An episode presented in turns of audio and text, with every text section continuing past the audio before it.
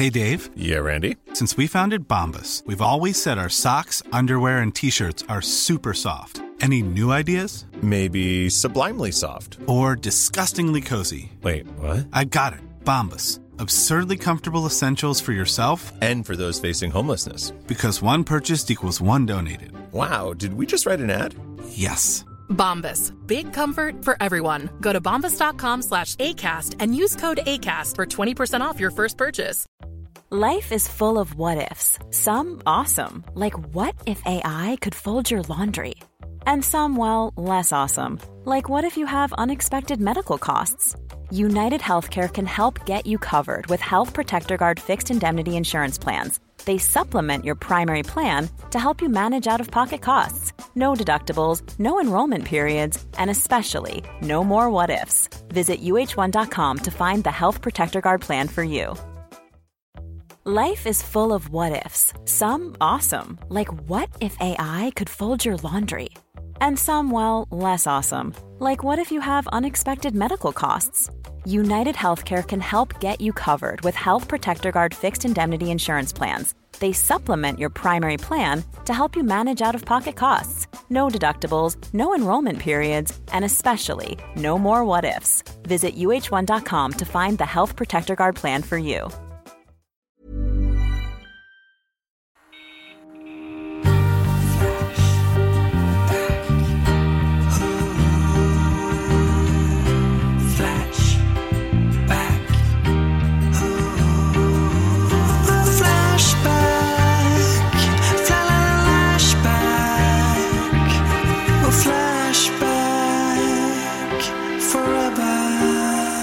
Hallå tjejer! Hallå! Hej tjejerna där hemma i Sveriges land. Just det, du är på distans, Emma. Ja, Hola, jag är i San. Remo. Oui, oui, oui. Det är franska va? Ja, si, si. si, si, si, si. Jo, jag är ju i, eh, går ju i Alfred Nobel och Evert Taubes fotspår. Mm. Vad Och, eh, betyder det? i- i- Ligga med lokalbefolkningen och uppfinna dynamit? Eller vad var det de gjorde? exakt. exakt. Eh, nej, men de bodde här i San Remo, heter det, Mm. i norra Italien. Eh, var, var nog finare, lite så nedgånget eh, gammalt turistparadis, tror jag det är. Men vi bor uppe i bergen med sådana livsfarliga jävla vägar. Så att eh, igår satt jag och kramade min bonusdotter i bilen och eh, skrek eh, att om vi överlever detta så ska vi vara snälla mot varandra i all evighet. Mm, Har du varit snäll då? Ja, Ja, Hittills. perfekt. Hittills. Ja. det. Det brukar ju gå Hittills, över ja. ganska Ja, snabbt, går de där. Ja. löftena. Gör ju det. ja, det är det. Nej, så du är på distans hemma och idag spelar vi in sista Ja. avsnittet innan semestern. Jajamän, Sicken grej. Just Sen det. kommer nästa avsnitt efter det här kommer den 22 augusti. stämmer. Mm, så vilken är det med det. Hoppas alla får en fin sommar. Ja! Framförallt vi, men också ni som lyssnar. Ja, ni får en jävla toppensommar. Det blir ju svingott för er. Ha det lite gott. Det blir det. Behöver ni. Ja, Det är så gott om att gott igen. Hur, vad ska ni prata om då? Kul att du frågar. Jag ska prata, jag ser mig själv lite som en utrikeskorre här då, i Italien. Mm. Så jag ska prata om att eh, Italien verkar eh, vara Europas Borås. Okej, Oh, starkt. hela landet. Mer om det. Hela som landet. staden Ja, Borås. Precis. Fastlands-Europas, eller vad säger jag, kontinental-Europas Borås. Ja, Det är jävligt starkt Ja. alltså. Ja, gött. Ja. Jag ska prata om att sätta lite guldkant på tillvaron, lite vardagslyx. Mm. Fan vad fint. Trevligt. Och det är ju jag då som har aktuella ämnen.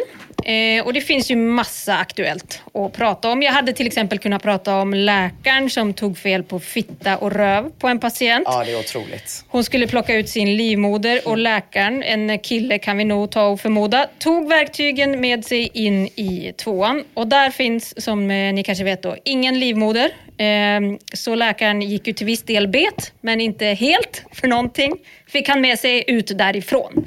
Det ledde tyvärr till mycket allvarliga vårdskador då hos den här kvinnan. Därför tyckte jag det var svårt att riffa på den här... För att det var eh, riktiga skador? ny- För att det var riktiga, s- mycket mycket allvarligt eh, skadad tydligen. Mm, Ja.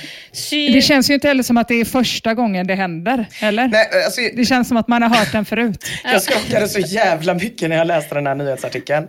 Eh, Även om det såklart är tråkigt med allvarliga skador, vill jag vara supertydlig med. Hör ni det? Men också att eh, sjukhuset sa att de skulle se över sina rutiner. Man bara, vilka rutiner? Rutinerna att man inte kan se skillnad på ettan och tvåan. För det är konstigt att kalla det rutin. Men det sjukaste är ju att han fick med sig någonting därifrån. Ja, det är så jävla att han, sjukt. att han liksom ändå det slet det? tills... Ja. Ja. ja, de fick ju sy igen. eh, Jo men jag menar var det det som var bristande rutin? Att han fick plocka med sig något? Att de alltid ska så här, när du går in i ett hål, var helt jävla säker på vad det är innan du exporterar. Just det. Ja. Mm, ja. Men så, så kan det vara. Riktigt sjukt. Eh, Mycket, mycket sjukt. Så kan det bli. Så kan det bli. Så kan det bli. Men sen var det ju också det här med köttsåren då som kvinnliga värnpliktiga får av Försvarsmaktens trosor innan, inom enorma citationstecken. Det hade jag ju också kunnat Ah. göra, eh, göra någonting på. Har du hört det Emma? Eller vad? Nej, det har jag helt missat, men jag har också jättestora köttsår mellan skinkorna. Ja. För att jag testade att göra sit-ups. Har det med trosorna att göra alltså? Ja, i, I Försvarsmaktens fall tror jag att det har väldigt mycket med trosorna att göra. De skaver när de är ute på sina långa, långa marscher. Så skär de Ja. på olika, olika ställen. Eh, eftersom att det är förmodligen, den som har designat dem har förmodligen inte provat dem, eh, skulle man kunna tänka sig. Det är lite som det där med fittklistret, om Ja. ni kommer ihåg fittklistergate. Nej vad var det nu då? Nej, det var en eh, amerikansk läkare tror jag som tyckte att vi skulle lösa det här med mens genom att bara klistra igen fittan. Ah, ah. Ja, jag tänkte så- att, bra eh, det- att det kändes lite som när NASA skickade 600 tamponger med en kvinnlig astronaut som skulle vara borta i två dagar i rymden. För de Mycket- tänkte det är väl så många man behöver. Det är mycket, det är förmodligen exakt Har du några extra också? var tredje sekund. Undrar hur många de skickade med, li- med Laika. Laika, ja. Skickade de bara hälften så många. 4 000 hundbindor. Verkligen. Nej, men de här två grejerna, de hade Ja. man ju då, man hade ju kunnat samlat dem under något slags tema som är det är kul att vara tjej. Ja. Eh, eller något. Men jag har ju ganska svårt att ta in någonting samtida den här veckan, för jag har ju jag har ju varit på konsert, eller konserter då. Jag hade turen att gå på två Springsteen-spelningar. Du var på, på alla tre Ina. Mm, just det. Ja, precis. Jag stekte tvåan. Ja. Ja, den sket jag i. Mm. Eh, Men den var jag på, så vi täckte upp allihopa täckte upp allihopa. Mm, svingött. Mycket bra. Eh, nej men, och jag, jag vet inte, här skiljer vi oss förmodligen åt, men jag känner mig ganska säker på att den här turnén, den blir nog eh, chefens sista. För jag tyckte att vi ändå fick ett hej då och ett ganska rungande tack för allt. Framförallt under lördagen. Eh, och det var, ju, det var ju såklart ändå jävligt underbart på alla sätt. Men det var också väldigt, väldigt vemodigt och jag har spontangrinat ganska många gånger de senaste dagarna. För ni vet ju hur man blir när man liksom tittar tillbaks. Alltså jag har tänkt på olika tillfällen i livet när han har vandrat bredvid mig. När jag tog körkort, till exempel 18 år gammal, i juni för exakt 20 år sedan nu. Jag får raka vägen och köpte ett sånt där kassettband med AUX-sladd som man körde in i bilar som inte hade CD-spelare eller andra moderniteter. Alltså jag tänkte på den jävla uppfinningen häromdagen. Är inte Nej, det men- det bästa Jo. Jag, som tänk, någonsin alltså jag, har jag skulle vilja säga att varje vecka så kommer jag att tänka på den och Ja. tänker, hur fan funkar det Jag den? Alltså det är den heller. mäktigaste grejen. När man såg det för första gången, man bara, ah, kassettband, det är lugnt, jag har kassettband, men vänta vad gör du nu? Ja. Nej, nej, det är kassettband, det är ett sladd i andra, alltså det, det är det smart. Ja. Nu är det bara utför. Liksom. Ja, men Därifrån, menar det- där pikade mänskligheten. Ja. Men det är så otroligt synd att den hade sån kort levnadstid Ja. när den var så jävra briljant. Mm. I alla fall, jag, jag petade då in Born to Run-skivan i min CD-Walkman och sen bara körde jag. Och körde och körde och körde. Genom skog och öppna landskap. Och jag var fri. Jag minns det som ren och skär lycka och allt var fan perfekt. För så ser minnet ut. Men när jag krafsar lite på det och släpar fram det ur nostalgins skimmer, ja men då kommer jag ju på att jag var ju inte alls särskilt fri. Jag hade ett år kvar på gymnasiet, biljäveln var inte min. Jag hade inga pengar eftersom att lönen från sommarjobbet på byns Köpra släpade efter en månad. Så jag kunde inte åka så jävla långt för jag hade inte råd med bensin. Förmodligen var jag svinallergisk också och körde garanterat med munskydd så jag skulle tro att jag svettades jävligt ymnigt där i facet. Och om jag ska gissa så mådde jag förmodligen piss i helvete rent generellt. Men det är ju inte det jag minns. Nej. Jag minns bara hur jag körde. De tio minuterna som jag hade råd att köra med den på den tiden, de har blivit till en hel underbar sommar i mitt sinne. Och det är väl kanske nostalgi, eller jag vet egentligen inte riktigt vad man ska kalla det, för nostalgin är väl egentligen längtan eh, tillbaks till ett då. Men det jag vill prata om, det är vad folk gör med minnena från dået. För när vi liksom lägger till tid till upplevelser och erfarenheter, då friseras minnena. De piffas till och mjukas upp i kanterna för att det ska bli lite trevligare och gå runt och minnas. Vi gör om piffar till, blandar sånt som faktiskt har hänt med sånt som man önskar skulle ha hänt. Och så drar vi bort tråkigheter. Allt för att det ska bli lite trevligare på insidan av huvudet. Det är som att vi pyntar där uppe och hänger upp små gardiner, tänder något litet ljus. Och så de där fula minnena man har, de som inte ens går att piffa till, ja men de försöker man i alla fall stoppa undan. Man trycker in dem i någon garderob för att slippa se det där jävla stöket. För inuti huvudet, där vill vi ha det fint. Eller hur?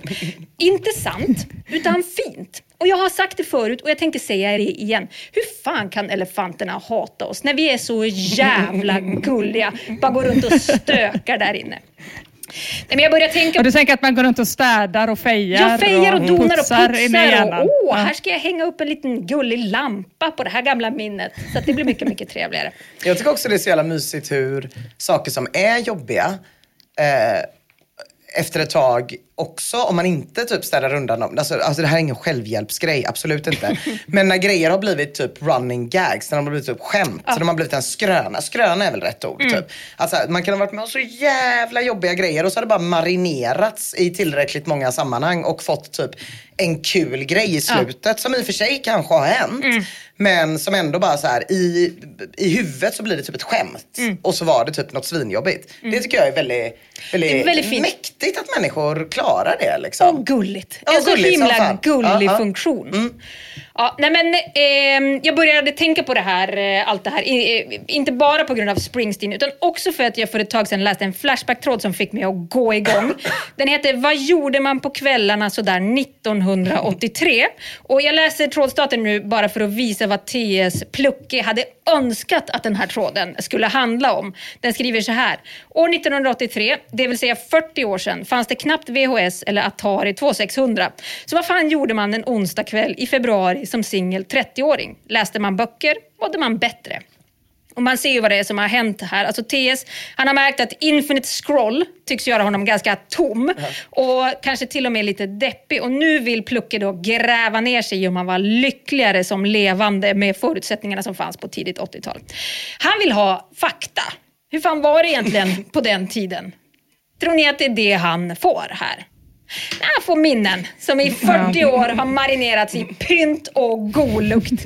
Mr Stardust skriver om han levde det riktiga livet. Och inte som nu via sociala medier. Man umgicks med vänner, ringde och pratade med folk, sysslade med sina fritidsintressen, kollade kanske på kanal 1 eller 2, man tog en öl, det fanns verkligen någon för alla. Det var betydligt lättare att träffa en partner då.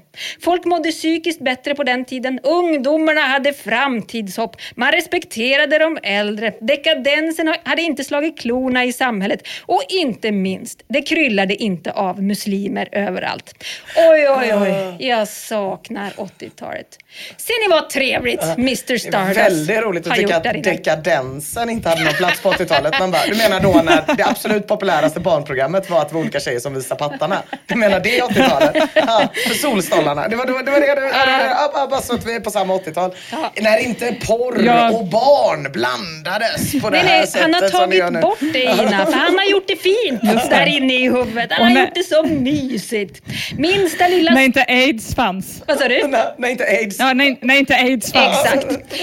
Minsta lilla stund av trivsel och, som han upplevde, det har han liksom upphöjt i 200 och låtit det definiera hela jävla årtiondet. Och allt otrevligt, det har han redigerat bort. Inte en enda muslim finns kvar. Nu är det bara mys, långa middagar, presumtiva partners som flockades runt honom och inte minst bara etniska svenskar. Lagior skriver man var ute och festa mycket. Gillade inte Stureplan så mycket utan hängde med på Operakällan. Det var kul. Många kändisar där och man kunde prata och festa med dem allihop. Ja, det var tidigare. Hängde mycket ute i skärgården på somrarna med rätt klädsel och en gigantisk mobiltelefon. Allting var så lätt till och med kvinnorna. Fina bilar, de var mycket snabbare än polisen så det blev lite åka av ibland. Det var slagsmål ibland men alla nöjde sig med att när någon däckat så hjälpte man varandra upp igen. Jag hade ett jobb där vi var tio anställda, hälften tjejer och jag satte på dem allihop. Ja, Laggiår han har pyntat minnet av det tidiga 80-talet med lättfotade kvinnor, fina och snabba bilar och inte minst Ina, slagsmål för hedersmän. Ja, det var ju ändå det som var det, Ja. det, det man verkligen eh, som kommer vara kvar. Just hur alla hjälper varandra upp. Ja, precis. efteråt. När de hade däckat så Ja. var man bara så, men du förlåt, fan Ja, det ser man. Ja, Ja, jättefint. det, det framkommer inte i, den, i dokumentären Stockholmsnatt. Det framkommer inte där nej. Nej men det här är ju för att Legior, han, han tycker om det. Han tycker att det är viktigt, Mm. heders, eh, hedersamma slagsmål. Eh, Nauruto Hip Shop skriver, man dansade och lyssnade mycket på musik. Man hade många sociala kontakter och fritidsintressen. Man hade mer fullt upp på den tiden än vad vi har idag. Idag är folk som döda zombies i jämförelse. Fy fan vad jag saknar den här tiden. Och vildblomfylleri, ja, neonfärgerna, hårstilarna, musiken, modet, filmerna, sporterna, attityden, hur folk såg ut och var. Värmen hos dem allihop. Fucking allt. Cornard är en av de få som både letar och lyckas skaka fram ett orört, så att säga äkta minne i banken. Han skriver så här. Farsan rökte pipa inomhus. Även i Amazon kombin när hela familjen var, var med. Sju personer. Man såg ju för fan inte ut. Nej, rökningen var ju lite mer lössläppt på den tiden. Passiv rökning fanns ju inte då. Så man var mest inrökt. Jag var inte född 1983, men jag minns ändå min barndom som ganska dimmig faktiskt. Det var sällan klar sikt någonstans. Det är också några andra i tråden som hittar fler opyntade minnen. Lite det du var inne på, Emma. Aids till exempel, det var ju en trist grej. Men det och det är en sån eh, grej som en fin gardin inte riktigt biter på. Men de försöker hjälpas åt att förpassa den här kollektiva aids-paniken till minnenas soptipp. Det där var ju ingenting som påverkade oss normala, låtsades de. Och det går ganska bra faktiskt. Och Kronards rökminne i alla fall, det gör han snabbt också till ett litet, litet undantag. Han fortsätter sen. 1983, då kunde Svensson dra en släpkärra med en vanlig 145 Det behövdes ingen jävla fyrhjulsdriven SUV med automat på den tiden.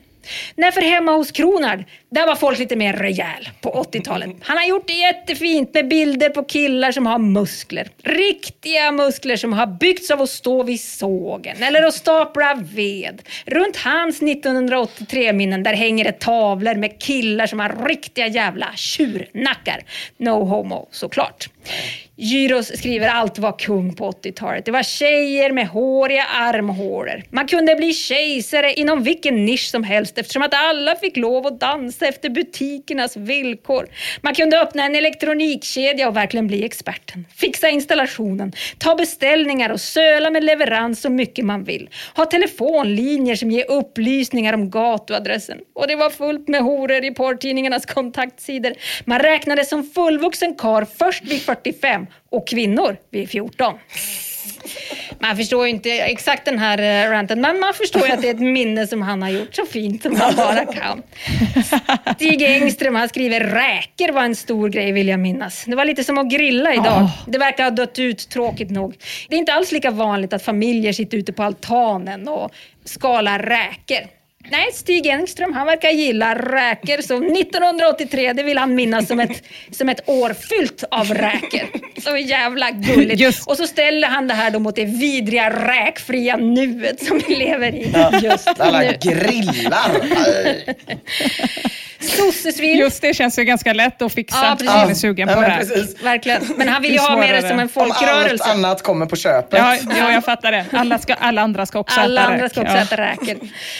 Sossesvin delar med sig av ett litet personligt minne, ett ovanligt nostalgiskt sånt. Han skriver så här. Mina föräldrar var swingers av rang. Jag minns min barndom att över halva källaren var avskärmad från oss parvlar. När de dog våldsamt i en trafikolycka tillsammans med tre andra par utanför Laholm i slutet på 90-talet uppdagades deras fritidsintressen. Det fanns liksom zoner i knullgrottan som de hade byggt upp, stationer och kösystem. Jag får än idag upp bilder från gynstolen, knullgungorna och alla jävla sjuka glory holes som fanns i min hemgård. Vetskapen om det här har förvrängt hela min syn på min uppväxt. Sova efter Björnes magasin, sen läggdags och när jag och mina syskon sover då kommer en massa sjuka svin och knullar ohämmat. Fy fan! Det är svårpyntat. Det är svårt pyntat och jag tycker att man ska tänka på det här om man har sex dungeons hemma. Någon kommer hitta den när man trillar av pinn och det kommer förmodligen vara någon som absolut inte vill veta om att den finns. Så se till för fan till att ordna med någon jävla självutlösare som sätter eld på hela jävla inredningen om hjärtat slutar slå. Jag tänker att det borde finnas någon sån internet of things-expert som skulle kunna experimentera lite med det. Gud ja. Ja, eller någon pakt kan man också sluta med de andra paren i det här Ja. gänget. Ja, för annars blir det ju väldigt jobbigt när det blir sådana här stora dödsfall. Typ, man tänker typ som World Trade Center där det dör jättemånga Just det. människor på en gång. Så har blir det liksom Mm. en helt till problem att det blir jordbävning för det är så många självsprängningar av sex dungeons Ja. samtidigt. Så att jag tycker att en, Ja, precis. En en, eh, swinger bro Ja. får liksom, man får ha ett nätverk där. Just det, jag är, jag är för Ja, men tekniken. var, det, var det inte så att eh, de andra dog också? Sa du inte det? Att Jag tänker att det finns de dog fler. samtidigt? Man får väl ha något sånt utbyte mellan olika swingerskluster. Liksom. Mm. Eller så bara Mac- åker McDragan runt och fixar det. Jag, vet inte. jag, jag är orolig för tekniken bara. Ja, jag är mer positivt inställd till tekniken än swingers. Men eh, you do you, Eh, nej men det där, man förstår ju det att sossesvin inte kan pynta det där minnet. Men som tur är ju finns ju det här andra alternativet och det är ju att låsa in skiten och kasta bort nyckeln. Jag tycker han ska försöka förtränga att han någonsin har haft föräldrar. Anlita en plastikkirurg som får montera bort naveln och så kan han försöka intala sig själv om att han blev till i ett labb där ingen känner några sexuella känslor för någon. Det tror jag är vägen fram för sossesvin faktiskt. Har ni inbakat i den här tråden svingulliga pyntighet? Där finns ytterligare ett lager och vi kan kalla det för ett inomnostalgiskt fenomen som jag också tycker är så jävla fint. Jag tänkte låta Lax Kaviar illustrera det här. Han skriver, man var utomhus 80 procent av tiden om inte mer. Man lekte utomhus med kompisar och grannar, cyklade med sin BMX runt omkring i områdena, klättrade i träd och utforska skogen. Nej, det var magiskt. Hörni, kommer ni ihåg att TS frågade vad en singelkille i 30-årsåldern gjorde en onsdag 1983? Ja. Men ändå är tråden full av sådana här inlägg och jag tror inte bara att det beror på att de inte har läst trådstarten ordentligt. För när folk ska beskriva hur det var 1983, då märker de inte ens att de beskriver någonting helt annat, nämligen att vara barn. För de går omkring där inne i huvudet och river runt och sliter i gamla kartonger med minnen och så hittar de en kartong med extra mycket pynt där alla minnen är inslagna i godishalsband och luktar jänka. Och så tänker de, åh, här har vi 80-talet så som det var. I den här kartongen finns ingen invandring eller ekonomiska problem. Det finns bara BMX och karameller. Och jag gör exakt likadant. Hur var 90-talet kanske ni undrar? Det kan jag berätta för er. Man lekte kurragömma varje kväll. Det fanns inga bråk. Man letade pantflaskor för att kunna köpa en daimstrut som på 90-talet var lika stor som en genomsnittlig underarm. Finanskris säger du. Skulle inte tro det säger jag. Det fanns ju pantflaskor att hitta överallt. Vi är så jävla dumma och gulliga. Fy fan. Om vi ska försöka ta reda på någon slags sanning ändå, ofärgad av den här nostalgin, då finns det ett litet gäng som vi kan försöka hålla oss fast i. Avsiktaren skriver, efter en titt på svensk mediadatabas kan jag säga att onsdag den 16 februari 1983 såg man på en föreställning med Marvin Gaye. TV-serien Farmor och vår Herre, Magasinet och en handbollsmatch mellan Sverige och Jugoslavien. Farmor och vår Herre, varför, slog, varför inte den slagit i efterhand? Åh gud. Åh, Urstarkt. Nej, men det var väl förmodligen det eh, som en 30-åring i ett ensamhushåll gjorde 1983. Såg på TV. Men undrar hur vanligt det var att vara en ensam man i 30-årsåldern 1983? Ja, du Det tänker känns att som att det var ovanligare. man redan var stadgad. Ja, precis. Det ju- Men det kan ju också vara att jag har tussat ihop mitt. Att jag har städat i mitt minne. Ja. Så att det inte ska vara så himla sorgligt. Sitt minne av 1983.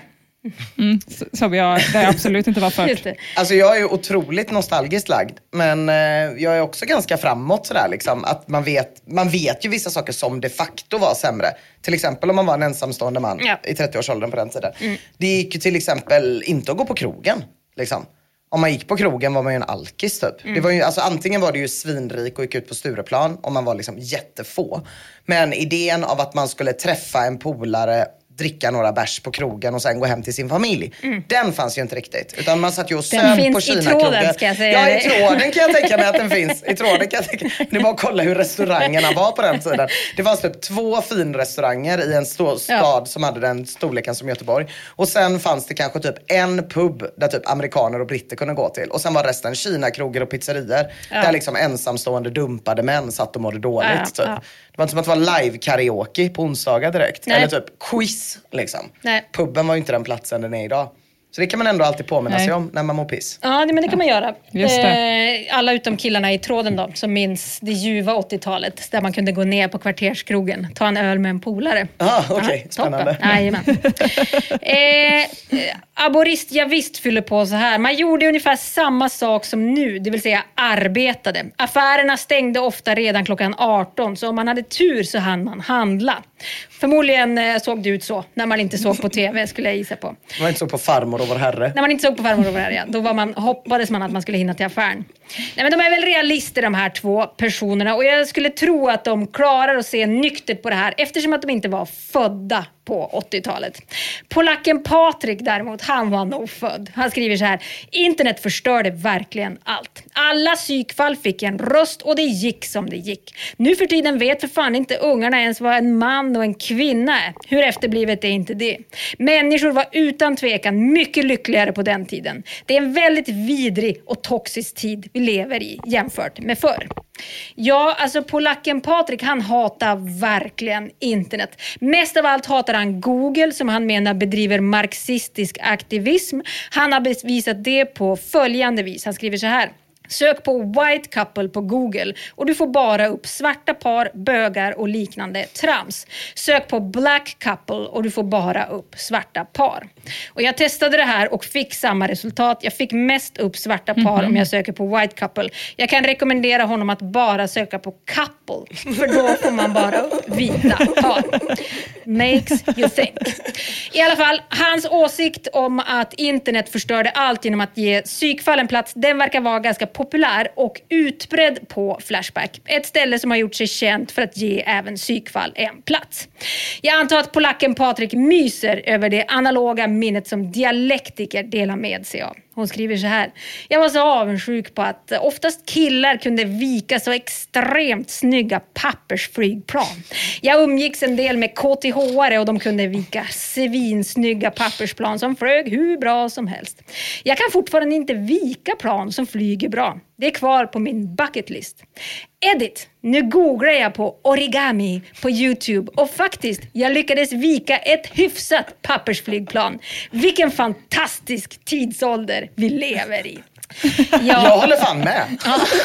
jag, blev svin. jag tänkte direkt bara, vadå YouTube? Det är världens bästa grej. Det finns ju ingen tid man skulle vilja leva i än en där man direkt kan få reda på hur man gör ett riktigt mäktigt pappersflygplan. Nej. Jag såg att någon under den här, vi, vi brukar ju livestreama våra grejer och nu blev det lite haveri. Mm. Men eh, jag såg att någon hade hunnit kommentera. Exakt så här fungerar kassettband AUX-sladden. Länk, Åh! länk till YouTube. Man bara, Underbart. okej det är ett hål. Ja. Eh, det, vi går på semester nu. Ja, ja. Jag har liksom, förra sommaren lärde jag mig laga pad thai. Mm. Den, här- den här sommaren ja, ska jag lära mig hur den där även funkar. Ja. Underbart! Du är ju Ja, verkligen det är en faktiskt YouTube-Gary. Det jag är en finns ju-. Det jag, finns ju... Åh, Gud, jag tillbringade en sommar när jag gick i mellanstadiet med att försöka förstå hur baseball funkar. För jag blev så jävla insnöad på baseball när jag typ gick i fyran. Mm. Just det. Mm. Och var så här, det verkar vara världens mäktigaste sport efter att ha sett Tjejligan med eh, Rosie McDonald. Eh, så var jag typ så, den jävla sporten är asfet, jag ska lära mig allt om baseball. Och så fanns det typ en bok på biblioteket som var svingammal. Och sen läste jag en annan bok och då stämde inte reglerna. Liksom. Så det gick liksom inte för mig att få reda Nej, nej, nej. på hur fan baseball funkar. Ja, fan Än mindre se en match. Synd för dig också att du var tjej och därför bara fick ägna dig åt softboll. Nej, jag skulle aldrig ha spelat själv. Nej, Nej, nej, nej, nej, jag bara- ville bara kolla. Jag tänkte bara vilken kul grej Ja, ja, ja, att snöa in på. Just det. Ja, mm. Det är faktiskt otroligt. Man kan ju bygga ett hus med hjälp av YouTube. ja det kan man. Så här Fan bygger du ett hus. Det är fan svinbra. Building houses for dummies. Ja. Otroligt bra. Ja, det är jättebra. Det är toppenbra. Ja. Ja, jag, jag ska- får erkänna, jag har aldrig riktigt fastnat för eh, tuber. Du, kan ju, du somnar ju gärna till eh, YouTube. Älskar, älskar. Alltså absolut. Men det, jag har ju jättemånga olika kanaltyper. Ja. Men jag skulle ändå säga att 95% av allt jag kollar på är ändå typ att jag ska lära mig någonting. Mm. Ett brädspel, bli bättre på Hearthstone, eh, hur kassettband funkar, hur man Mm. lagar en viss bandare. Alltså så här, det är bara rätt in där liksom. Tycker det är svårt att läsa sig till. Ja, jag är mer för det tror jag. Jag Ja. tycker det är väldigt svårt att följa instruktioner i. Men min syrras unge, han lärde sig bygga broar när han var tre. Genom YouTube. Han hamnade på något, i något brospår och kunde förklara för oss liksom, hur Ja men det går till. precis. Det är så enkelt när man liksom ändå verkligen får se tycker jag. Ja, Verkligen. Det är supermysigt. Verkligen. Men i alla fall, dialektiker lyckas inte övertyga någon i tråden om att samtiden ändå har någonting. Det är ju ingen idé, för allt som var rötet med 1983, det är bortpolerat från alla minnen. Kvar finns goda lukter, snabba cyklar, långa middagar med vänner, öl på krogen med kamrater, skogspromenader, lugn och inre frid. Och jag tycker att vi ska ta en eh, gemensam minut och tänka lite på att det finns folk som lägger hela sina yrkesliv på att försöka få oss att leva i nuet. De tar till desperata medel, försöker få folk att sitta still och räkna russin och fan och hans moster. Alltså förstår ni vilka jävla krafter som de här personerna kämpa mot? Att försöka sälja in ett rötet intetsägande nu när det konkurrerar med både ett godluktande, friserat och för trivseln inuti huvudet optimerat då. Plus ett skräckinjagande osäkert sen. Vad fan ska man göra i nuet? Alltså det här är en tävling Nej. som mindfulness-gänget aldrig kommer kunna vinna. För våra dumma, dumma, dumma, gulliga hjärnor, de hatar att vara i stunden. Där trivs de inte alls. De vill vara bland pyntet, i det redan levda. Där Born to Run-skivan ligger som en varm filt runt det kraftigt förskönade minnet av att köra omkring i mina föräldrars 940 som 18-årig garderobslebba på landsbygden. Och nu har jag ju verkligen byggt upp för att skicka med ett budskap, eller hur? Ja, det Man har känner det. Alltså, någonting tyngre än att folk är så jävla gulliga med sina huvudpynt. Man märker ju att jag ska komma någonstans och det ska jag faktiskt. Till en insikt som verkligen slog mig med full jävla kraft den här veckan när jag läste den här tråden. Är ni med? Ja. Nu kommer den. Om ni har en sex dungeon i källaren så måste ni ha en exit plan. Vem tar hand om min sex dungeon när jag dör? Är en fråga som alla människor med tveksamma källarutrymmen måste ställa sig själva. För det är viktigt. Fan vad bra Mia. Jag blev så, jag blev så himla sugen på Eh, 1983 och lite ledsen över att jag inte levde då. Men nu på slutet så kände jag att det är fan okej ändå. Tack för den resan. Hörni, eh, det här är ju då Emma eh, Knyckare som pratar, Ekots utsända till Italien. Och här nere på kontinenten så ryktas det återigen om den syndiga svenskan efter Dragans sex-EM som du Ina pratade om i förra avsnittet. Vi var ju lite oroliga för det och det verkar också vara så som det har blivit. Eh, Så som utrikeskorrespondent har jag åkt hit då för att kolla hur det ligger till med landet som beter sig som boråsarna gjorde under somrarna i Varberg under min uppväxt. Jag växte upp eh, där. Eh, Det vill säga nämligen att de snor våra tjejer. Så här var det. Eh, på somrarna så susade de in i hundratusentals de sexturistande boråsarna. Solbränd hy hade de, David Beckham-frisyr, en spännande dialekt och bländande snusleenden som i liksom Kerstin Thorvaldskt maner utlovade samlag med eller utan samtycke, men också utan risk för inavel. Och det var det som Varbergstjejerna tyckte var så jävla spännande, antar jag. Varberg förvandlades under somrarna till ett västsvenskt Ayia Napa och Varbergstjejerna stod i fucking jävla kö för att få sitta i baksätet i någon av boråsarnas jävla bilar. Och samtidigt, 500 meter bort, så stod Varbergskillarna, några pensionärer och så jag med våra plufsiga räkansikten och muttrade jävla boråsare. Fy fan vad sura vi var. Ja, hörni. Eh, och det här var ju också mitt under min ungdom, det vill säga mellan 2000 och 2010-talet. Eh, och enligt Flashback så pågick exakt samma sak samtidigt på internationell nivå, eh, nämligen nere på kontinenten där jag är nu. Det vill säga då italienska spännande män som tog sig varje chans till att få en egen Lena Nyman för en natt. Eh, och om detta kan kan man då läsa på Flashback. Eh, jag tycker att vi ska börja historiskt med en tillbakablick från just Italien faktiskt, eh, där ett liknande trauma verkar ha skett. Samma trauma då som vi mesiga varbergare fick uppleva när boråsarna susade in i Apelviken om somrarna. Användaren General Andersson lämnade nyligen in följande fruktansvärda vittnesmål efter en klassresa till Italien 2006 i sin tråd Vad är det egentligen med tjejer och italienska män? General Andersson skriver så här var 2006 i Italien med skolan och reagerade på hur kåta svenska tjejer var på italienska killar. I princip alla de svenska tjejerna flockade sig runt italienska killar så fort de fick möjlighet.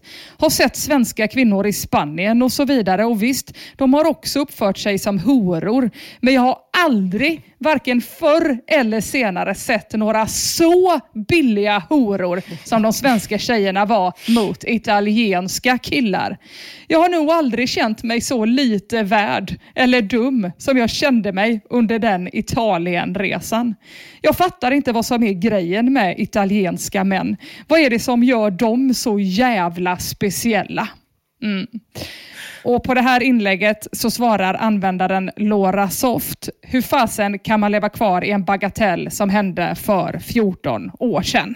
Mm. Men alltså det är ju synd om de svenska killarna, de svenska ungdomskillarna. Det är för fan, i Göteborg är det fruktansvärt här. Vecka 29 snart så är det Gotia Cup liksom. Och det finns ju tjejer mm. som tävlar i det med, men jag skulle gissa på att det typ är typ 10% tjejer. Det bara väller in typ så 100 000 killar i åldern 15 till 18 år som går upp och ner för Avenyn och typ skriker så “Ciao Bella” efter olika 15-åriga tjejer som bara har träffat killar som bara spelar Counter-Strike innan. Och så bara, efter att de har gått förbi så kommer amerikanerna och sen så kommer britterna britterna som ser ut som de på tv och du vet prata som de på tv. Det är sånt jävla taskigt läge att vara en göteborgsk ja. eh, ungdomskille vecka 29. Då ska man åka härifrån tror jag, mm. för att inte bli ledsen. Ja, precis.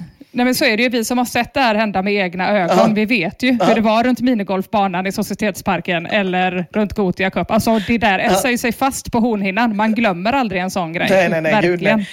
Eh, Ibis99 skriver, det är inget speciellt med italienska män. Eh, det speciella med en svenne bananbrud är att hon är en soptunna där man tömmer och glömmer. Och eh, TS, general Andersson, svarar på detta precis. Det är inget speciellt med italienska män överhuvudtaget. Men vet du fan hur många gånger jag hörde typ “men oj, vad snygg” varannan gång de såg någon italiensk kille och uppförde sig som lösa horor så snabbt de fick chansen. Värst av allt var att de flesta av dessa tjejer sågs på som kaxiga och svåra att få napp på hemma i Sverige. Men i Italien så uppförde de som ett gäng med katter som var på jävla löptid. Ja, det här har verkligen etsat sig fast ja, i hans minne. Som, ja, där har det inte städat och putsat nej, nej, utan nej. det här sitter fast exakt så som det är, Vissa det går ju inte att göra nej, någonting åt om det är för ont. dramatiskt. ja, där är bara mörker. Gröna dagar har en teori om varför det är så här. Gröna dagar skriver, din och dina polares uppenbara attityd över att brudarna var billiga är svaret på din fråga. Ni är inte intressanta för kvinnor eftersom att ni uppenbarligen inte ser på dem som människor. Det går alldeles utmärkt att vara både framfusig, flörtig och närgången om man samtidigt visar att man ser bruden som en människa. Men hela det argumentet håller inte general Andersson med om. Någon i tråden undrar vad de svenska tjejerna egentligen gjorde som var så himla farligt att de förtjänar eh, att bli kallade för hora 70 000 gånger av general Andersson. Och general Andersson svarar så här på vad de gjorde. De hånglade, torrjuckade, twerkade, i princip allt plus lite till. Och att de svenska tjejerna pratade dygnet runt om hur snygga och söta eller skärmiga italienska killar är. De kunde helt enkelt aldrig hålla käft om det. Man får lite samma vibbar som han, kommer ni ihåg han som var ledsen över att det hade kommit någon utan keps till byn? till byn. Ja, precis. Lite ja. samma vibb. Det kommer någon Ja. att levla liksom. Och det är ju lätt när man kommer Exakt utifrån. så. Du har inte historia. Du är inte Sussis brorsa. Nej, Liksom. Du är inte han som sket på sig på mellanstadiediskot. Mm. Alltså de här italienska killarna och han med keps, han har också skitit på sig på ett mellanstadiedisco. Men sen är han på ett annat gymnasium och raggar Mm. som en myster. Ja, nej, det är orättvist. Ja, det är, det är helt olika spelplaner alltså. Eh, Silltunna har i alla fall också en teori om varför svenska tjejer gillar italienska män. Silltunna skriver, italienska män älskar att knulla sina kvinnor i röven. Det kanske är det som lockar. Ah. Mm. En teori lika god som någon. Here's a cool fact a crocodile can't stick out its tongue. Another cool fact you can get short term health insurance for a month or just under a year in some states. United Healthcare short term insurance plans are designed for people who are between jobs, coming off their parents' plan, or turning a side hustle into a full time gig.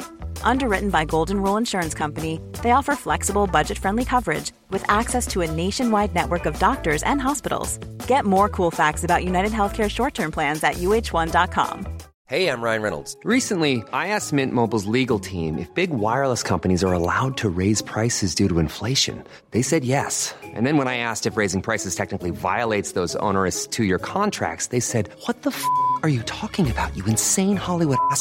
So to recap, we're cutting the price of Mint Unlimited from $30 a month to just $15 a month. Give it a try at mintmobile.com slash switch. $45 upfront for three months plus taxes and fees. Promo for new customers for limited time. Unlimited more than 40 gigabytes per month. Slows. Full terms at mintmobile.com.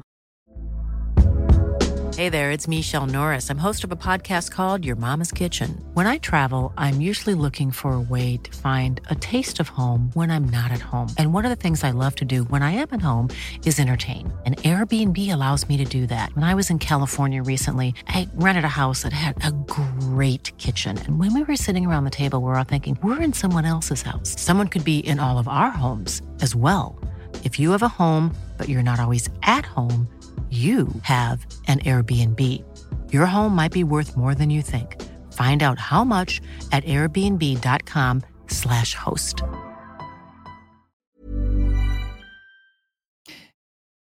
Eh, användaren Not My Guru har också en teori. Hon skriver så här. Jag har bott i Italien och kan säga att det är milsvid skillnad på att dejta en italienare i 20-25 års åldern jämfört med en svensk kille i samma ålder. Svenska killar satt i sina fula ettor och söp sig plakata med sina kompisar medan de italienska killarna bjöd ut en. De kom uppklädda, hämtade alltid med bil och tog med en till jättemysiga restauranger ute på landsbygden och var artiga och charmiga rakt igenom. Var inte exakt det här en DN-krönika för typ några månader sedan? Där det var någon kvinna som skrev typ att svenska män var så dåliga på att planera inför dejter. Den blev så här jätteuppmärksammad. Aha. Jättekonstigt. Då skrev de typ, ja ah, men det är så tråkigt då när man är singel i Sverige.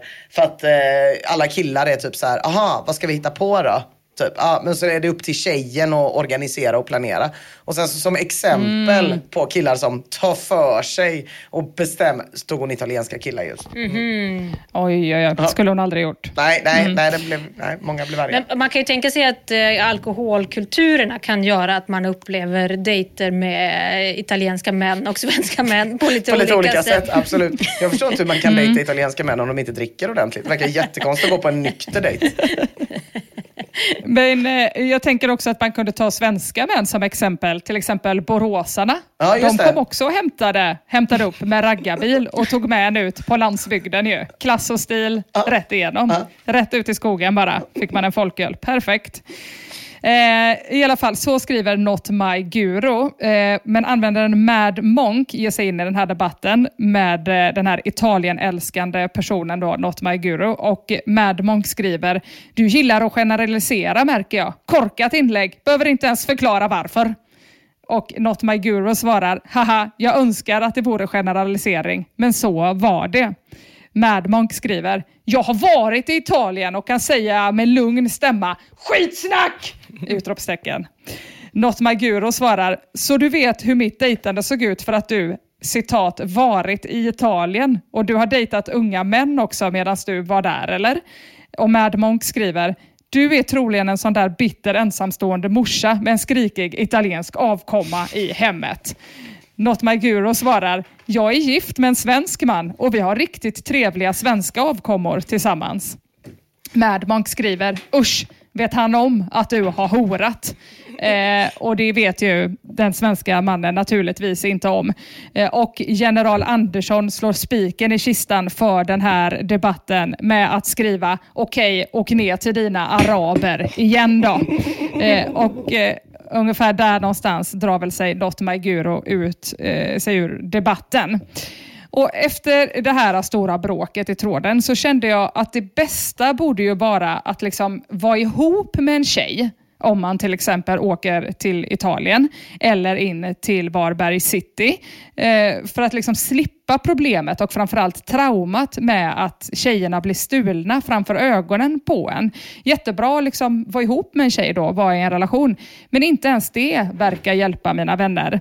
I tråden italienare är Europas avskum så skriver den lede när jag var i Italien med min flickvän noterade jag att de inte har någon form av respekt för att om en kvinna är upptagen, även fast man som pojkvän är med. Jag har aldrig sett maken till ohövlighet när man går omkring i deras land.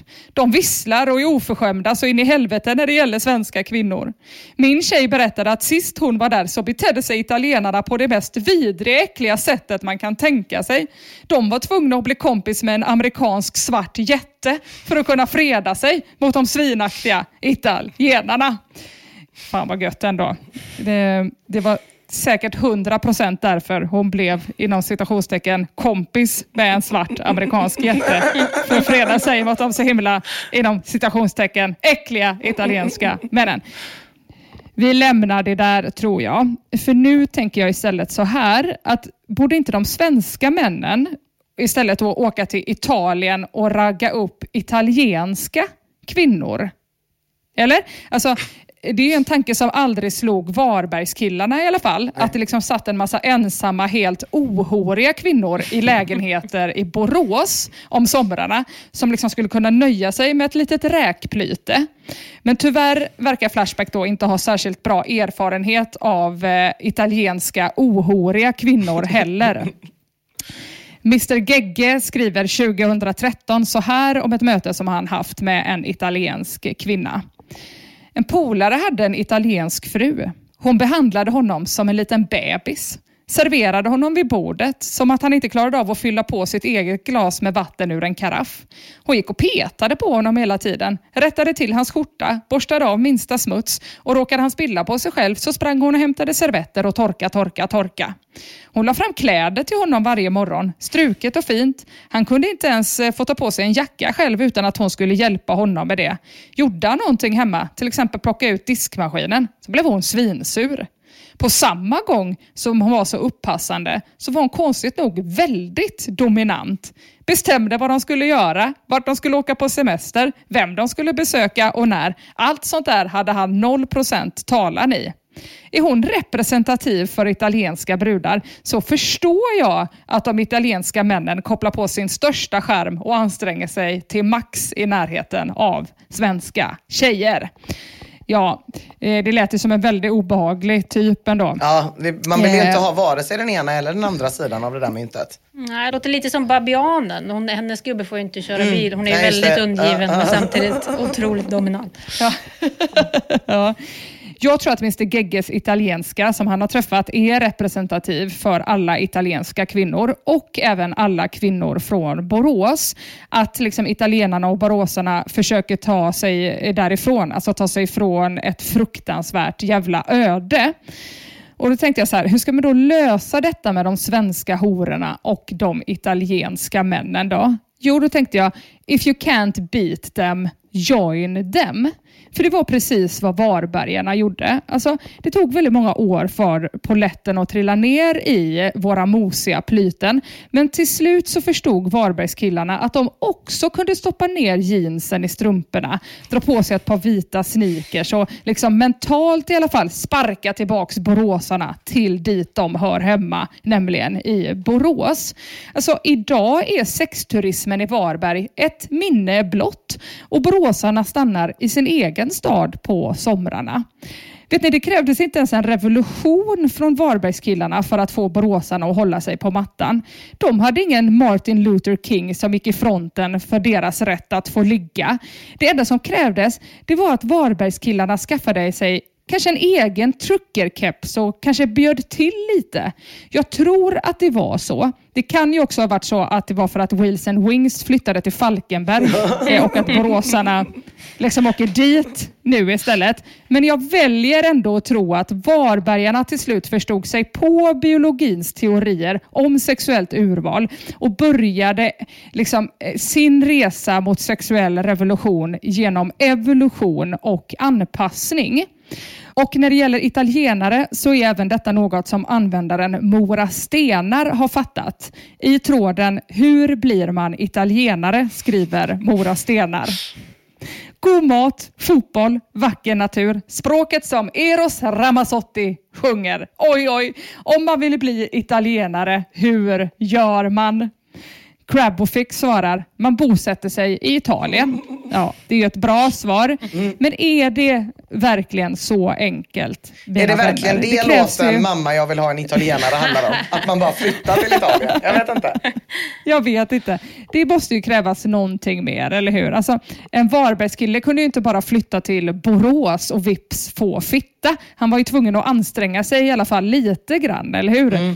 Användaren Lennart vet hur man blir en kvinnomagnet, en italienare och rapporterar från insidan. Han skriver så här.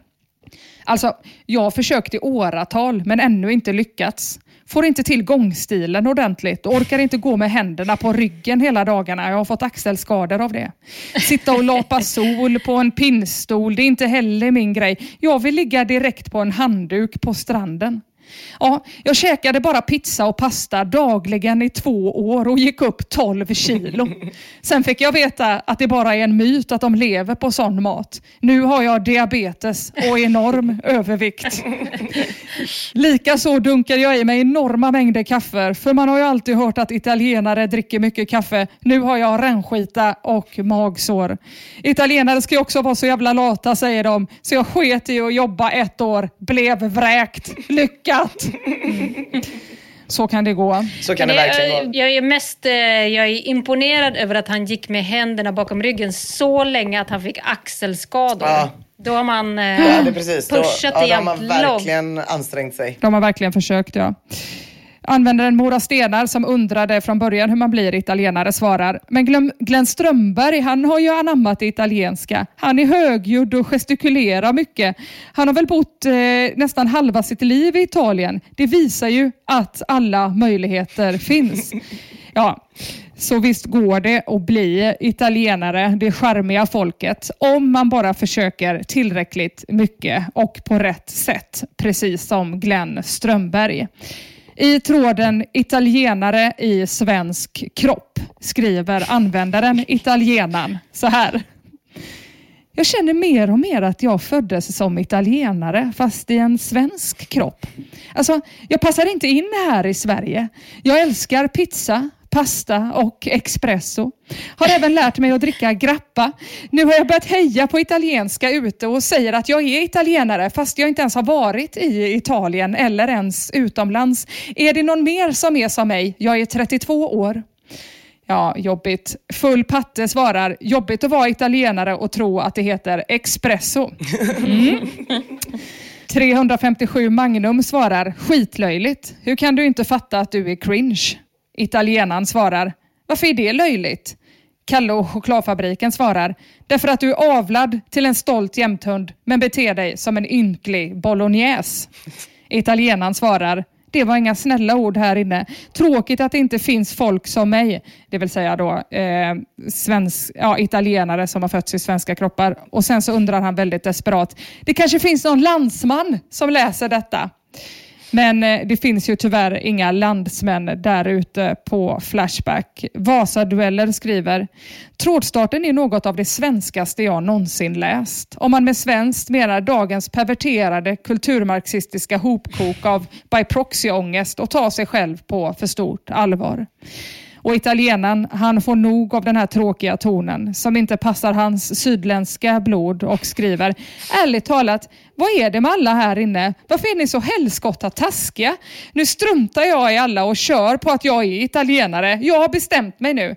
Tack alla haters som gav mig styrka. Italiensk styrka, typ. Mm. Och eh, en italiensk styrka, det är ju precis vad som behövs. För kanske är det inte så konstigt att svenska män på internet svänger om i nationalitet efter alla de recensioner av svenska män som man kan läsa som tjejer har gjort på Flashback. De är fan inte nådiga alltså. Till exempel i tråden “Varför är svenska killar så fula när svenska tjejer är så snygga?”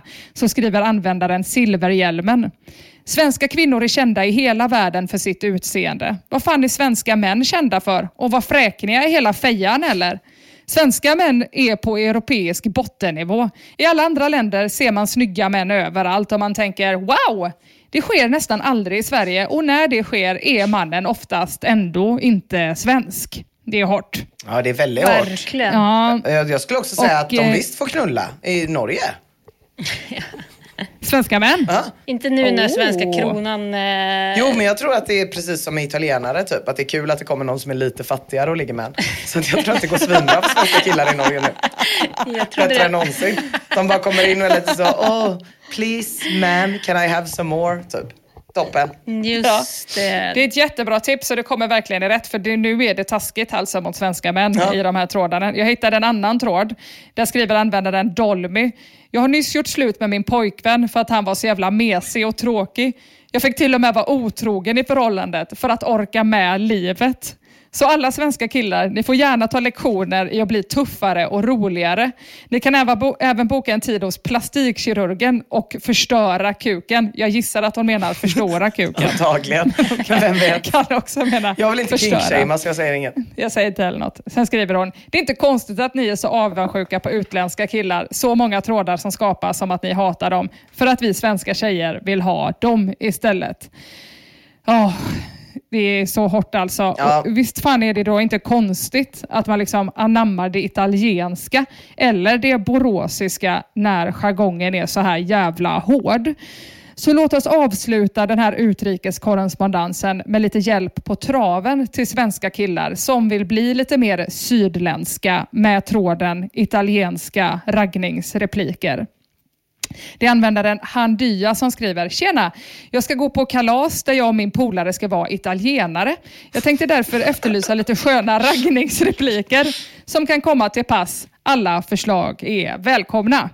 Och användaren Somalisk pizza har ett förslag på en raggningsfras och den lyder så här. Spaghetti bolognese, frutti la mare, pizza napoli, cazzo! Ja, och det sista fick jag kolla upp. Det betyder då kuken. Eh, och det är tyvärr det enda förslaget som kommer in på italienska raggningsrepliker, förutom Ey Roberta! Men då kräver ju det att den man raggar på ska Het. heta precis. Roberta. Mm. Och sen så kommer det ett till förslag och det förslaget är att TS ska skita i raggningsrepliker och sula nötter på tjejerna istället. Och det tycker väl jag säger allt om varför det går bättre på kontinenten med raggandet eh, än då här i det karga, bittra Sverige och i Varberg där man liksom måste sula chilinötter i facet på en hora för att få hennes lilla jävla uppmärksamhet för en sekund.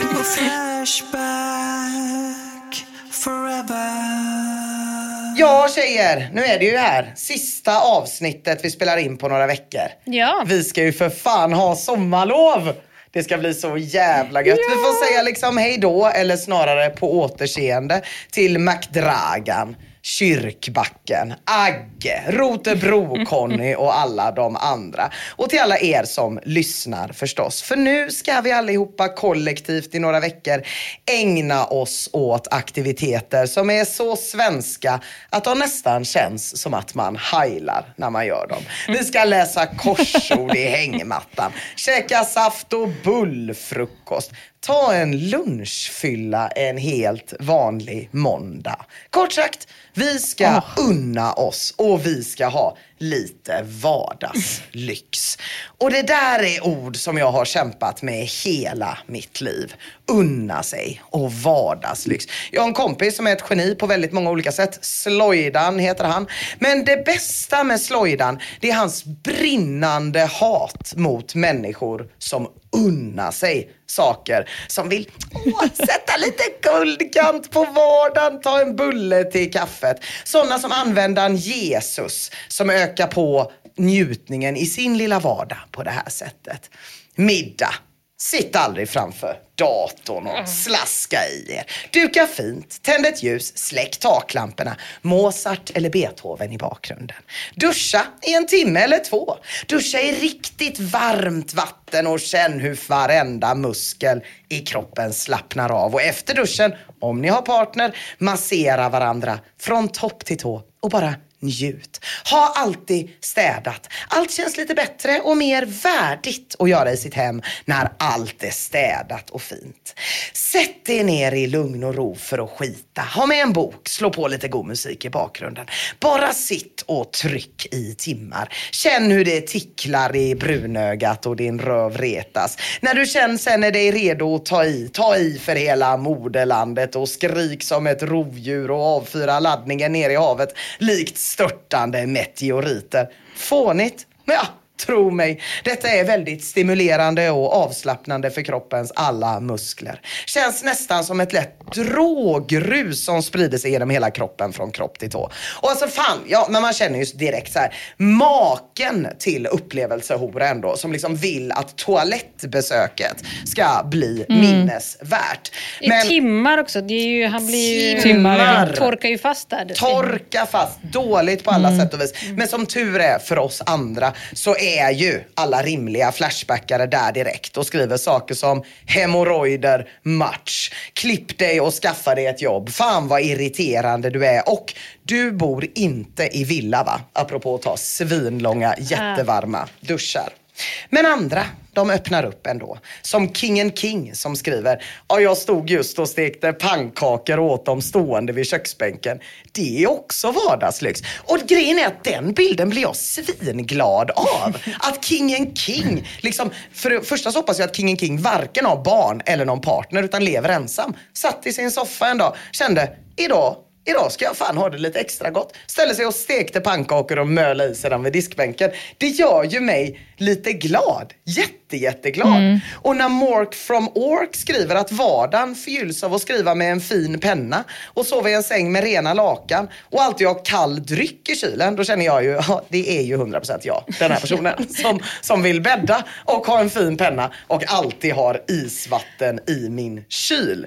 Fan! Ja, men liksom. är det just då ordet vardagslyx som du vä- vänder dig mot? Inte själva att man Kanske. har det? Ibland utan- är det det finaste en människa kan ägna sig åt. Ibland är det det vidrigaste. Kanske att det är orden det hänger på. Mm. Kanske Men något att öva det- på på semestern. Är det inte mer att när det är sånt som du upplever som vardagslyx, då... Då är det okej. Då Och är det annars är det inte det. Exakt så är det ju för fan.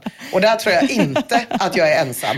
Men jag tänker så här att man ska, jag, jag ska fan den här sommaren, jag ska hänge mig mer åt livsnjuteriet. Jag ska göra en massa goda grejer. Massa saker skriver till exempel. Just nu ligger jag ute i solen i den svenska sommarvärmen med min lilla dator och bara njuter av fågelsången. Kanske plocka några smultron senare om det känns värt besväret att resa sig. Det är vad jag kallar livsnjutning. Och det tycker jag låter underbart. Mr PML tipsar. Varje gång jag kommer hem drar jag en så kallad bash.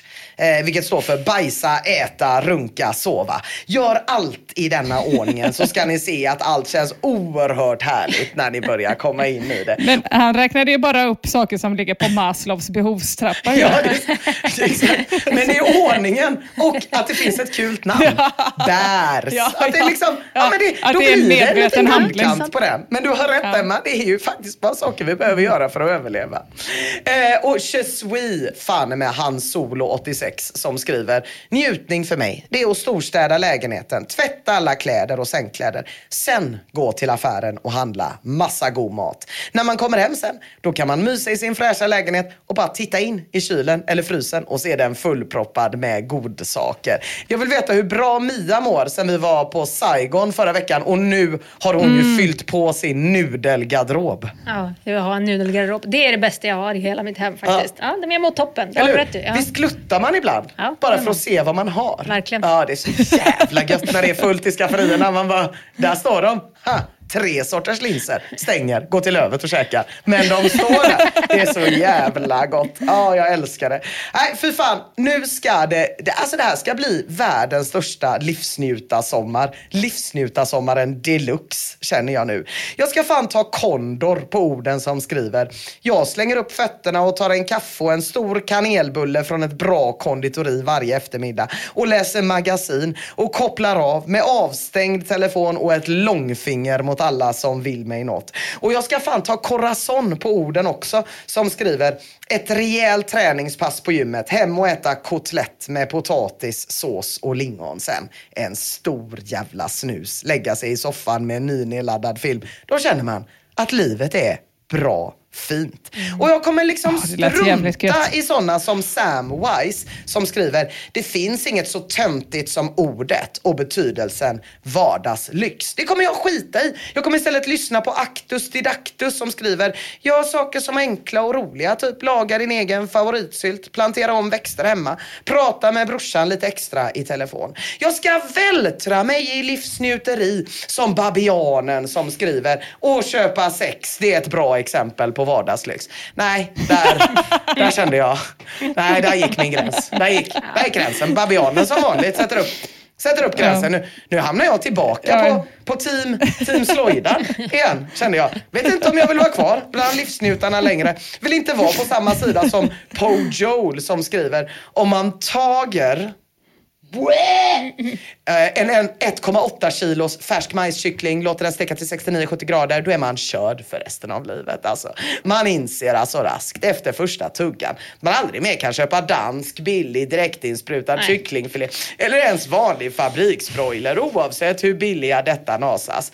Så saftig. Så smakrik. Så långt från den alltför vanliga grillkrydde mumifierade studsbollen. Och kombinerat med en välkryddad grönsallad, en stunsig taggsvampsgräddsås och ett glas Baron Risacoli Formulé blev det som Pentivari skulle sagt. Smaskens.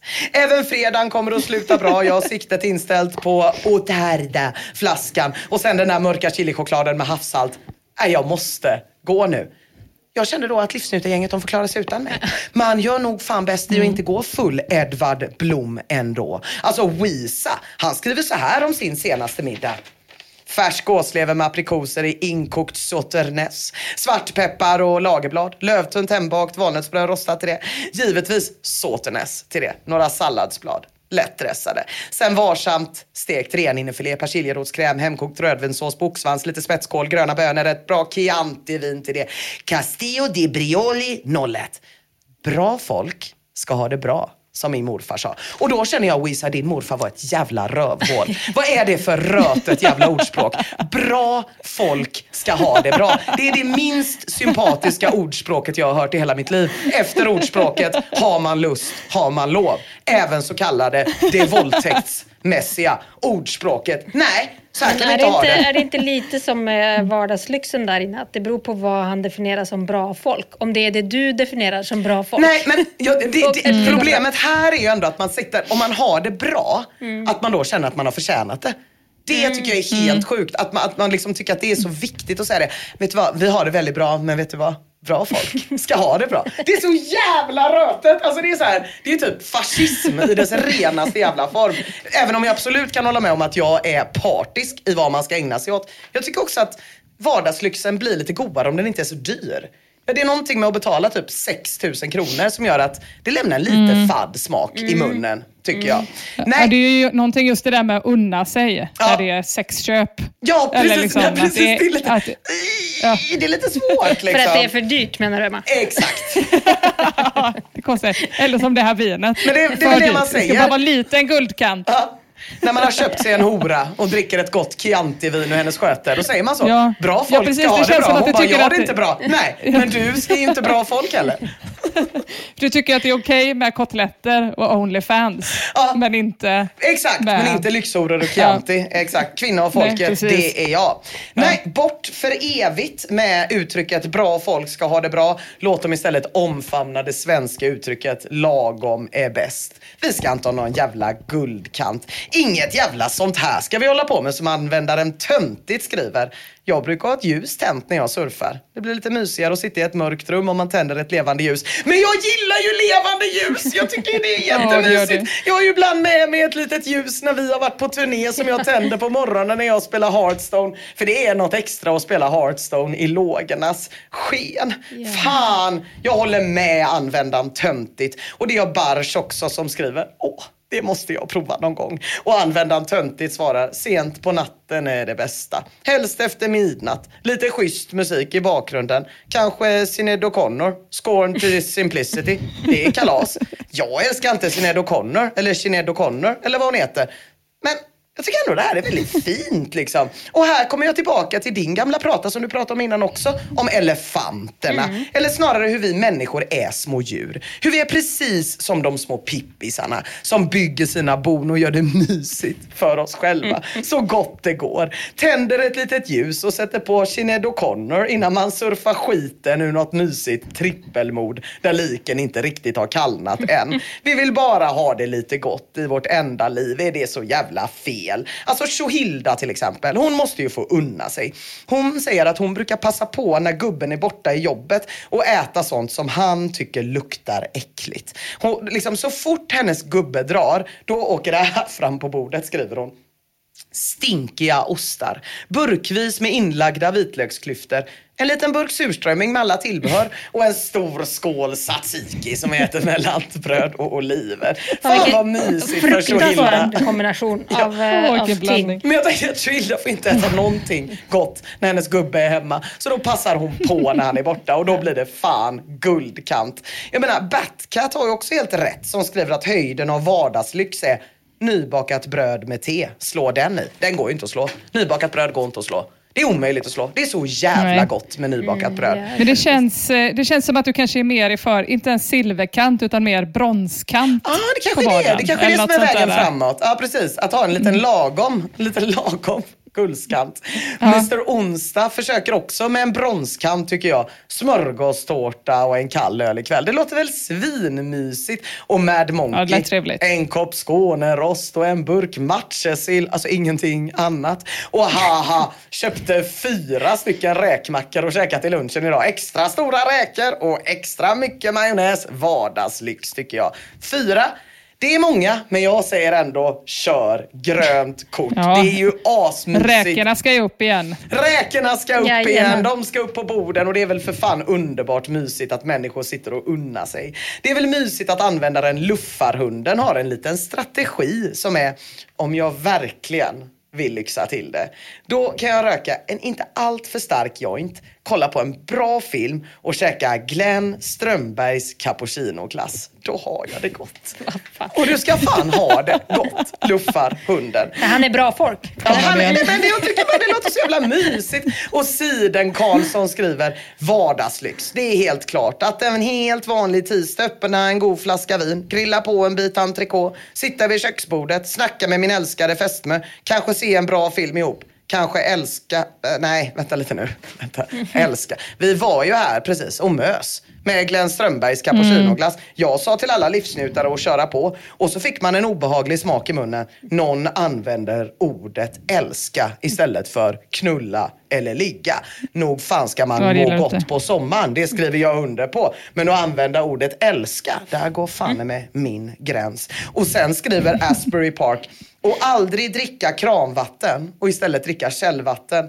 Det är en vardagslyx. Jamen. Helt klart. Vanligt kranvatten är för sossar. Och då känner jag så här, Luther, kom tillbaka och straffknulla oss. Allt är förlåtet.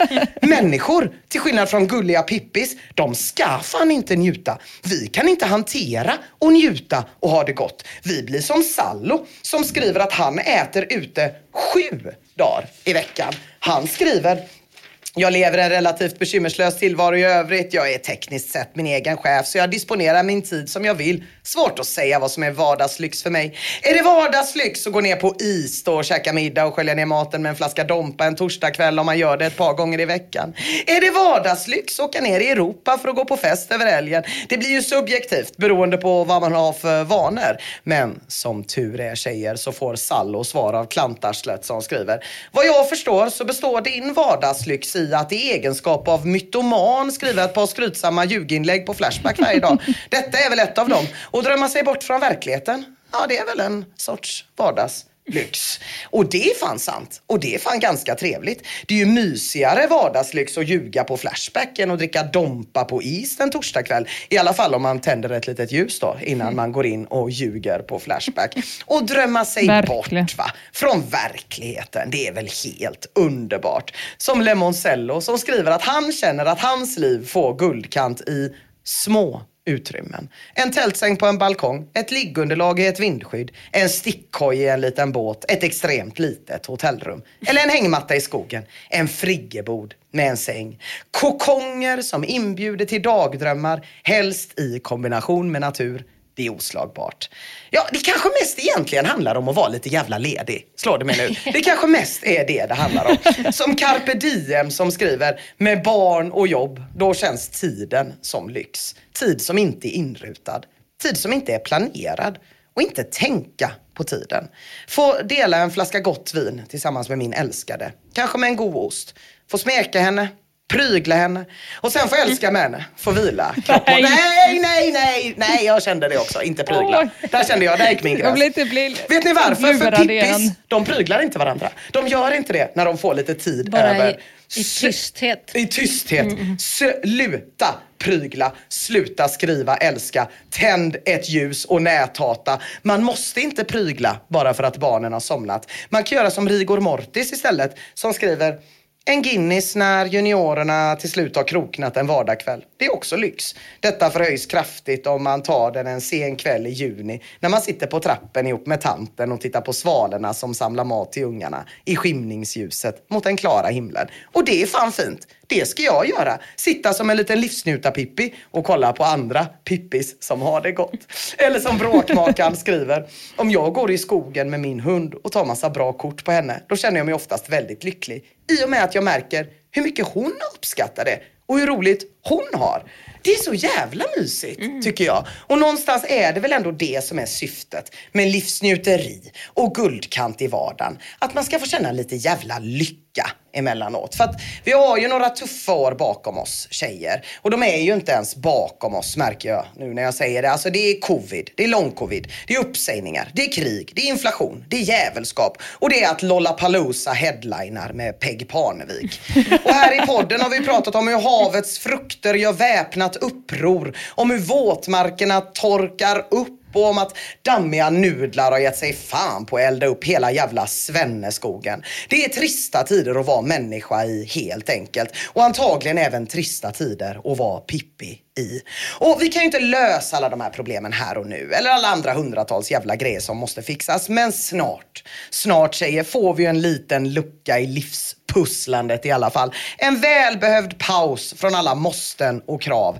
Hamsterhjulet, det saktar ner och stannar helt. Och vi får tid för annat, för varann. Lite tid att kolla på en bra film och käka Glenn Strömbergs cappuccino-glass. Eller att smälla i sig fyra räkmackor och en kall öl. Tid att plantera om växterna där hemma och kanske ringa någon släkting. Och tid att göra det användaren Paggan tycker är definitionen av vardagslyx. Att efter att ha lagat middag till familjen, lägga sig ner i sängen, trycka in en fet snus och kolla kolla på My 600 pound life. och visst, jag får väl gå med på då att det också är helt okej okay att lägga lite tid på en middag på is som sköljs ner med någon flaska Dompa. Och det får väl vara okej okay att steka en 1,8 kilos knallgul färsk majskyckling till 69-70 grader. Och ja, om det sker i samförstånd så är det väl nu man har lite tid över för att prygla sin älskade. Kort sagt, det är nog exakt så som syrabiten skriver. Vardagslyx. Det är juni, juli och augusti. Och det är det det är nu tjejer, nu är det semester. Ja, nu får vi gå hem och prygla så mycket vi bara vill. Så himla himla skönt. Och Underbart, fy fan vad gött vi ska ha det. Och vad skönt att veta också att Glenn Strömberg faktiskt har lyckats bli italienare när han har en egen cappuccino-glass. Ah, äntligen. Så, så himla fint. Så jävla gött. Nej, nu blir det fyra stabila räkmackor med extra majo. nu kör ja. vi. Vi kommer med nästa avsnittet den 22 augusti. Tills dess får ni hitta på något annat. Ni kan lyssna på mitt sommarprat om ja. det. Ja, det ska När ni det göra. här avsnittet släpps så är det i övermorgon. Ja, det är det. Det kommer. Ah, gud vad mm. Och i väntan på kan man också se din Bruce-dokumentär som ja, även den det är får man också otrolig. Göra. Ja, man får mysa. Och lyssna på Byrådet. Mm, det det går ju för fan hela sommaren direkt efter sommarpraten. Ja, just det. Det har jag gjort. Och Mias prator får man väl lys lyssna om på då bara. Om och om, om, om igen. Ja, men de, de tål ju att lyssnas om på, Det så gör de kan ni lyssna om på. Ja. Hörni, Okej, vi hörs i augusti allihopa. Det gör vi. Ha en bra sommar. Ja, och tack så mycket Flashback. Ja, och tack våra patroner. Och tack alla ni som lyssnar. Puss puss! Glad sommar på er. Hej hej! Puss hej!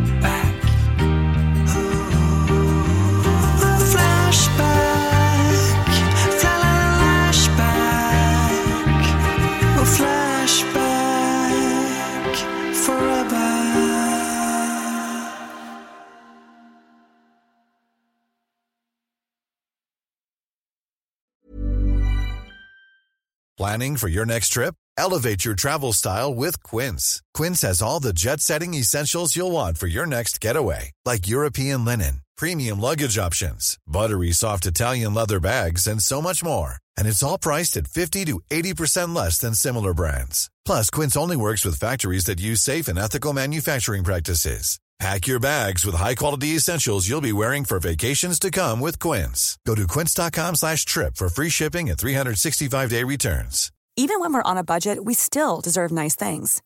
Quince is a place to scoop up stunning high-end goods for 50 to 80% less than similar brands. They have buttery soft cashmere sweaters starting at $50, luxurious Italian leather bags, and so much more. Plus, Quince only works with factories that use safe, ethical, and responsible manufacturing. Get the high-end goods you'll love without the high price tag with Quince. Go to quince.com slash style for free shipping and 365-day returns.